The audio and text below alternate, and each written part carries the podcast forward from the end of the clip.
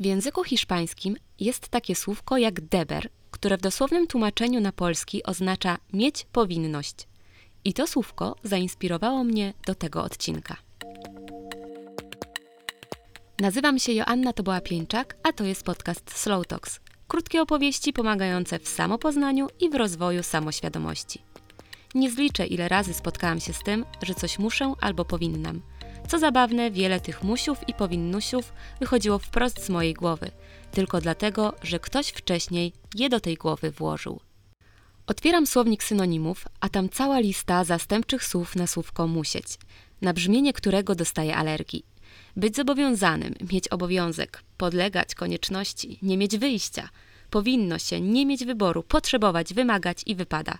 To tylko niektóre z nich. Wraz z wypowiedzianym stwierdzeniem, że coś powinniśmy, pojawia się warunek, który słyszany setki razy w ciągu naszego życia, szczególnie nastoletniego, zaczyna brzmieć jak jedyna prawda. I to jest przerażające. Musisz się dobrze uczyć, by mieć dobrą pracę. Musisz być zorganizowana, by osiągnąć sukces. Musisz się wysypiać, by mieć siły. Musisz się czasem ugryźć w język, bo tak wypada.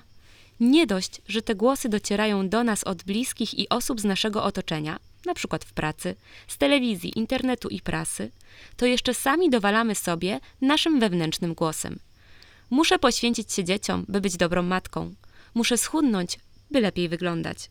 Muszę iść do znajomych, choć nie chcę, by nie pomyśleli, że ich nie lubię.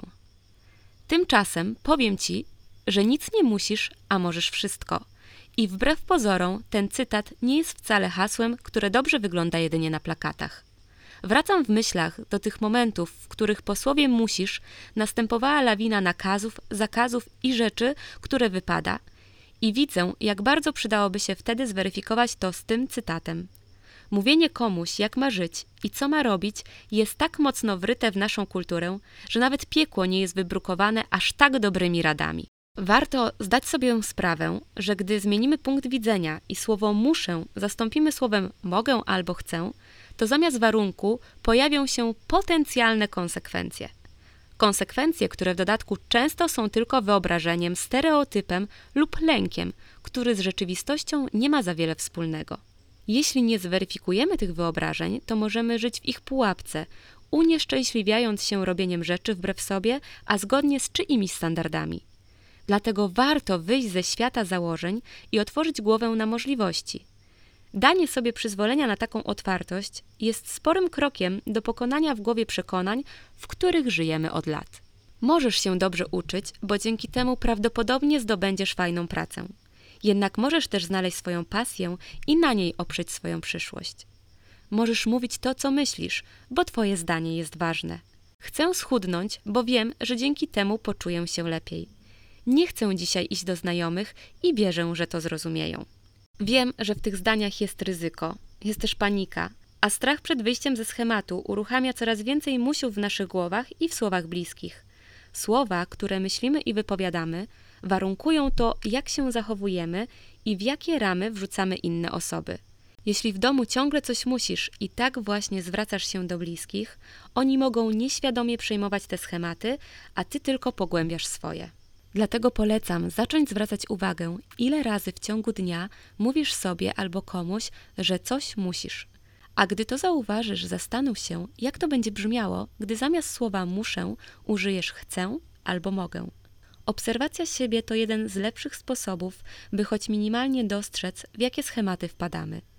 A gdy zamiast chcę lub mogę pomyślisz nie chcę, ale muszę, to sygnał, że warto zastanowić się, czy aby na pewno musisz i czy to jest jedyna droga.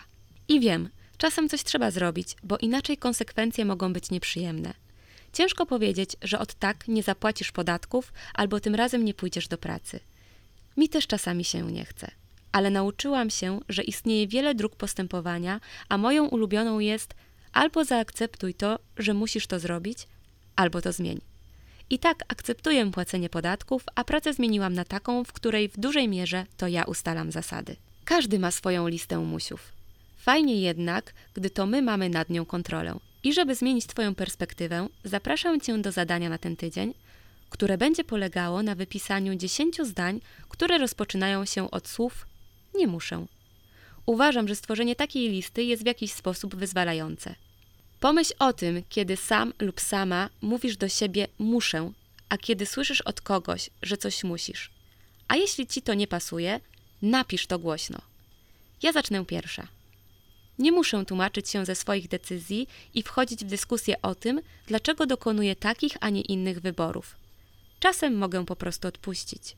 Nie muszę codziennie inwestować swojego czasu w rozwój. Nie muszę mieć tysięcy odbiorców, bo to nie stanowi o mojej wartości. Chcę mieć ludzi, którzy chcą tu być i chcę dla nich tworzyć, wtedy, gdy to czuję, nie dlatego, że powinnam. Nie muszę zacząć myśleć o powiększeniu rodziny tylko dlatego, że mam 32 lata i że kiedyś może być za późno. Teraz Twoja kolej. To był drugi odcinek podcastu Slow Talks. Więcej treści ode mnie znajdziesz na moim Instagramie i w cotygodniowym newsletterze. W opisie podrzucam linki.